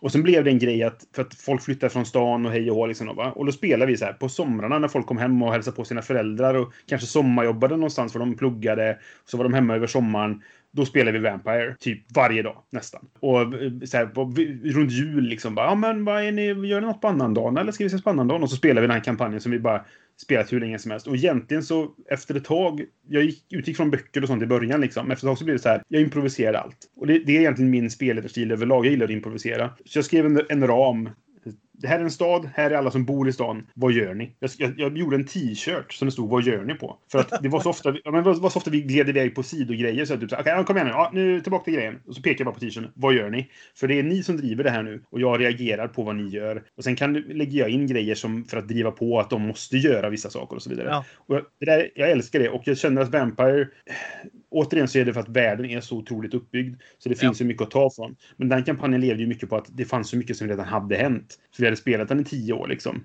Så det, det fanns, jag kunde bara ta upp en, en karaktär från det där som hände för åtta år sedan. Och så kom det tillbaka på något sätt då. För att vampyrer lever hur länge som helst. Och det är en bra Ja. twist då. Om man vill driva på sådana saker. Återigen, jättemycket setting. Regelsystemet, med det är okej, men det är settingen som är det intressanta. Och alltså, jag har gjort så mycket med den här. Jag har lajvat i den, jag har arrangerat live i settingen, jag har skrivit eh, scenario efter scenario. Ja, vi har gjort så mycket med detta och vi har spelat det så mycket. Och vi har kunnat så mycket. Nu har jag nog tappat en del av det där. Men det var ett tag jag kunde liksom allt om eh, World World of Darkness, eller framförallt Vampire-delen av World of Darkness. Jag gillar andra World of Darkness-spel också, men det är Vampire jag har spelat nästan uteslutande. Vi har spelat lite Mage, lite Werewolf, väldigt lite Changeling och väldigt lite Wraith. Men, eh, men Vampire the Masquerade, utan tvekan det jag spelat mest. Kanske i, i rivalitet med MUTANT och Drakar Demoner mest för att det var det jag spelade tidigt i min karriär. Eller karriär, men ja, du vet vad jag menar. Ja. Eh, Men, men, men Vampire är nog det jag, det jag har förkovrat mig mest i, som jag har intresserat mig mest i. Eh, Och, och gjort mest, liksom. Sysslat mest med. Ja. Nej, nej, nej. Det är yes. Jag förstår varför. Jag har I spelat i Vampire-världen och jag, jag är intrigued varje gång jag sätter mig vid spelbordet. Mm. Um, så det, så det, det ja, jag, jag förstår Brisse. Sen har jag eh, eh, bekanta som brukar säga det, det är ju It's superheroes with fangs. Och det Ja. är ju det. För det är ju Ja. krafter och sådana saker. Och, men jag gillar ju superhjältesättningen. Det, Ja, och sen är det ju också hierarkin de har byggt upp. Ja, ja. Mm. Alltså, läser du in dig på världen och har rätt spelledare. För jag tror det här spelet hänger nog otroligt mycket på spelledaren. Att du får världen förklarad för dig. För att du är ingen egentligen. Nej. Utan du gör uppdrag för någon. Beroende Mm. på hur man spelar och hur långt man kommer i sin kampanj såklart. Men Mm. början brukar ju oftast du bli såhär, ja men du är gr- grunten. Och tro mig, du är grunten. Du är ett Mm. politiskt spel. Du är bara en bricka. Mm. Och går man in med den inställningen och tar det för vad det är och försöker göra något som grupp. Ska vi bli en utbrytarfraktion och alltså vet du, här, ska vi bygga vidare på det och ha en bra spelledare så är det en fantastisk setting. Mm. Eh, Det Och som hände i vår långa kampanj blev ju att de var ganska unga. För vi spelade i... Vi gjorde inga tidshopp så att säga, utan vi spelade i en kontinuerlig. Så de, de började som neonater som det heter då, alltså som är Ja. ganska, ganska nya. Och på slutet så var de ju fortfarande för det hade bara gått kanske tre fyra år i in-game time liksom. Men eh, en av dem hade redan varit första vid det laget för att ja, på grund av omständigheter eh, var det inte längre. Men det var så här, man pratade ändå om honom och hans kotteri då, alltså hans grupp, de här, de som gjorde det där i Washington. Liksom. Det var en grej som man kunde prata om i världen. Så de hade någon sorts maktställning, men som inte var baserad på ålder utan mer på meriter. Och det var väldigt, väldigt intressant att blanda in det i den väldigt åldersbaserade eh, Vampire-settingen. Liksom, då? Så att vi hade väldigt mycket kul med det där. Ja. Ja, kul, Ja, det kul setting att, att laborera med också. ja, ja jag, jag håller med dig. Jag håller med dig. Min nummer ett är ju skrumt. Ja, ingen är förvånad. Nej. Men jag, jag älskar skrumt och jag har sagt detta till Kristoffer från Bläckfisk förlag som har gjort det. Mm. Skrumt var det jag letade efter. Mm. Jag vill att mina val ska ha betydelse och att jag ska ha en karaktärsutveckling och att det ska vara personlig drama. Jag älskar tunga ämnen när jag spelar rollspel. Jag vill bli utmanad när jag spelar rollspel. Jag kan spela lättsamma rollspel också och ha lika kul åt det. Allting handlar om gruppen för mig. Men får du bestämma, alltså så här, bestäm nu mycket vad vill du köra? Så vill jag ha personliga val. Jag vill att varje val jag gör, mer eller mindre, mer eller mindre, ska ha vikt. Det ska vara betydelse. Det ska vara intressant. Det ska vara, det ska vara någonting bakom det. Och Skrömt gör det på ett bra sätt. Han ly- lyfter upp det. Boken är fantastisk att läsa. Jag tycker de har fångat stilen i illustrationerna. Jag menar Mm. redan där när du läser det att de kan inte vinna mot varje monster. Jag bara älskar den meningen. Den är bara Mm. fantastisk för mig. Nej men för att allting, allting ska inte gå att vinna. Jag är sån spelare och spelledare. Jag Mm. tycker inte allting ska vara hand, alltså så här. Det är därför ni inte ser Dungeons and Dragons på min lista längre. Jag, jag, jag, jag tycker inte det är intressant. Jag, jag får ingenting ut av Dungeons and Dragons. Nej. Jag svär i kyrkan när jag säger att jag, jag tycker det är ett väldigt överskattat, hypat spel. Jag, jag, jag uppskattar vad det gör för hobbyn. Jag älskar att det drar in folk och älskar du Dungeons and Dragons, älskar Dungeons and Dragons, spelar Dungeons and Dragons. Jag kommer älska att du gör det. Mm. Men för min del när jag börjar spela mer och mer rollspel så inser jag ett, jag är inte fantasy-killen. Två, jag vill inte vara den episka hjälten. Nej. Det lockar inte mig. Ska jag spela superhjältar, rätta mig om jag har fel Brice, men jag tror du kanske är lite inne samma grej. Att vara Batman är inte kostnadsfritt för honom. Nej men det är därför han är intressant att läsa. Jag hade ju inte velat Mm. läsa Batman, ah, han går in, one-shotar allt och går därifrån. Nej. Men han, han, han one-shotar ju mycket ändå, men, men han har fortfarande så mycket problem klistrat till det. Ja, visst. Åh, nu räddar jag Brisse, men nu dog Bengt. Nu Mm. gjorde jag detta, så händer detta. Att det blir komplikationer hela tiden. Och så vill jag ha i mina rollspel. Absolut ska vi köra att det går allting jättebra och sådana. Då är ju premissen där va, och jag kan spela och jättekul åt det också. Men Mm. jag dras ju åt det, är därför jag lockas av fiasko. Thespian och de grejerna liksom. Att, Åh, åh, nu gick det åt helvete igen. Hur hanterar vi det? Mm. Och det är det jag tycker är intressant, liksom att man ska få lov att vinna grejer. Det får man i mina rollspel när jag är spelledaren. Men du får inte Bespian armor direkt att Nej, du är nej. Mandalorians. Bara, nej, dude. Nu får du fan jobba för det. Men när du väl får det så tar jag inte ifrån dig heller. Det är, do-douche är jag inte sådana spelledare har jag haft så det räcker att bli över. Här har du ditt oändliga vapen. Ja, nu skjuter jag dig. Jaha, vad ju att jag fick det då ju. Men liksom, och jag tycker Skrumt Mm. gör det. Den sätter tonen. Det är tunga ämnen. Vill man höra när Kristoffer spelleder det, Marschyst är en fantastisk kampanj han gjorde i Svartviken rollspelspodd som jag tycker att det är den. Eh, Mm. Av hela det gänget, de sköter det så jävla bra. Och jag vet Alltså, att, mm. ja. Nej, jag skulle bara säga att det, det finns ju ett begrepp som, som heter play to lose. Och spelar jag kampanj så vill jag nog inte ha det. För då, då, då vill, alltså, eh, spelar jag en kampanj så vill jag kunna ha kontinuitet. Och om jag konstant kör play to lose i en kampanjsetting så kommer jag snart inte ha någon kontinuitet för att då finns det inga karaktärer kvar. Så att, det- vill jag inte ha det. Men, men spelar jag one-shot eller indie-rollspel eller korta kampanjer som är kanske på 5-10 spelmöten eller sådär. Då älskar jag play to lose. Att göra de valen som blir intressanta, även om de är de verkligen dåliga besluten, out of character. In character kanske den här karaktären tycker att det här är det bästa beslutet jag kan göra just nu. Men, men, men om man tänker logiskt utanför, med synen utifrån, superdålig idé. liksom. Men, men Lose, jag älskar det när det inte, när det inte är kampanjspel. För då, då vill jag ha att man ska kunna få kopplingar som är som sagt tio år tillbaka i tiden. Så här. Älskar sådana kopplingar. Men Play to Lose är fantastiskt när det är rätt setting och rätt eh, förutsättningar. Liksom. Ja, och, och jag håller med där. I en kampanj vill jag ha lite play to lose. Alltså lite. Ja, de ska, där, liksom sådär, men annars håller jag med dig. Och nej, men Skrump bjuder in på att du tar upp tunga ämnen och kör karaktärsdrivet rollspel. Det är det jag... Jag är inte en rullspelare, jag är en rollspelare. Jag kan spela rullspel också och tycka att det är intressant. Jag vill prova OSR-spel liksom på Gothcon. Mm. hade var ju tanken att jag skulle ha gjort det 2019 va, men... Eller 2020 förlåt mig. Och, och det gick ju som det gick va. Men, så Mm. det kommer jag gå och besöka. Jag kommer gå till grottröjarrum och sådana grejer bara för att prova det. Va? Och jag kan nog uppskatta det med den preferensen jag har idag. Va? Men skulle jag få välja så vill jag sitta med min spelgrupp och köra ett skrumtäventyr. Då är jag nöjd. Då är jag glad. Då har jag fått Mm. ut någonting utav det. Japp. Och jag vet att jag pratar jättemycket om det här men jag tycker det är ett sånt jävla fantastiskt spel. Mm. Och det är det bästa rollspelet enligt mig i hela världen. Coolt. Så att det är ju en massa tips här nu till, gott, till er folk och um, Mm. Jag hoppas att ni om inget annat kikar närmare på det. Absolut. Alla spelen som nämns är nog värda att titta närmare på och se ifall det är någonting för er. Ja, och det här är ju som sagt våra preferenser och våra spelstilar och det är ju så otroligt subjektivt precis som med brädspelslistorna. Det är Ja. ju, jag skulle säga mer rollspel. Alltså för få gånger känner jag att brädspel är beroende av en grupp. Så som rollspel Ja, är. nej, precis. Då är det kanske mer så här att den här personen gillar jag inte att spela med för han beter sig som ett Rövhatt. a-hole. Ja, men precis. Det är kanske sånt och snarare. Men, men, men rollspel är betydligt mer beroende på grupp, absolut. Det är det. Ja, så att eh, tack så hemskt mycket Brisse att du var med i denna. Ja, det var jättekul. Eh, Ja. för- Som en, en brasklapp då får man väl lägga till att här, flera av de spelen jag har nämnt kan vara svåra att få tag på för att de, Ja. jag spelade dem när jag var som mest aktiv, vilket är 15 år sedan. så därför så är de kanske svårare att få tag på nu då. Men alltså det, det som är en fördel är att det finns fortfarande begagnat marknad. Spel, spel försvinner inte på samma sätt. Eh, Även om de inte trycks längre så, så finns det säkert någon som har dem som kan tänka sig att och, och, och sälja dem vidare ifall man frågar snällt. Precis. Om inget annat så kanske det går att få tag på pdf-er. Ja, Ja. precis. Liksom så att man kan komma åt dem ändå. Mm. Jag ska försöka länka så mycket som möjligt. Men eftersom det inte är som på BGG så är det Nej. inte alltid lika enkelt. Men Nej, vi, vi gör vad vi kan. Mm. Ni hittar ju Brisse på spelradio.se.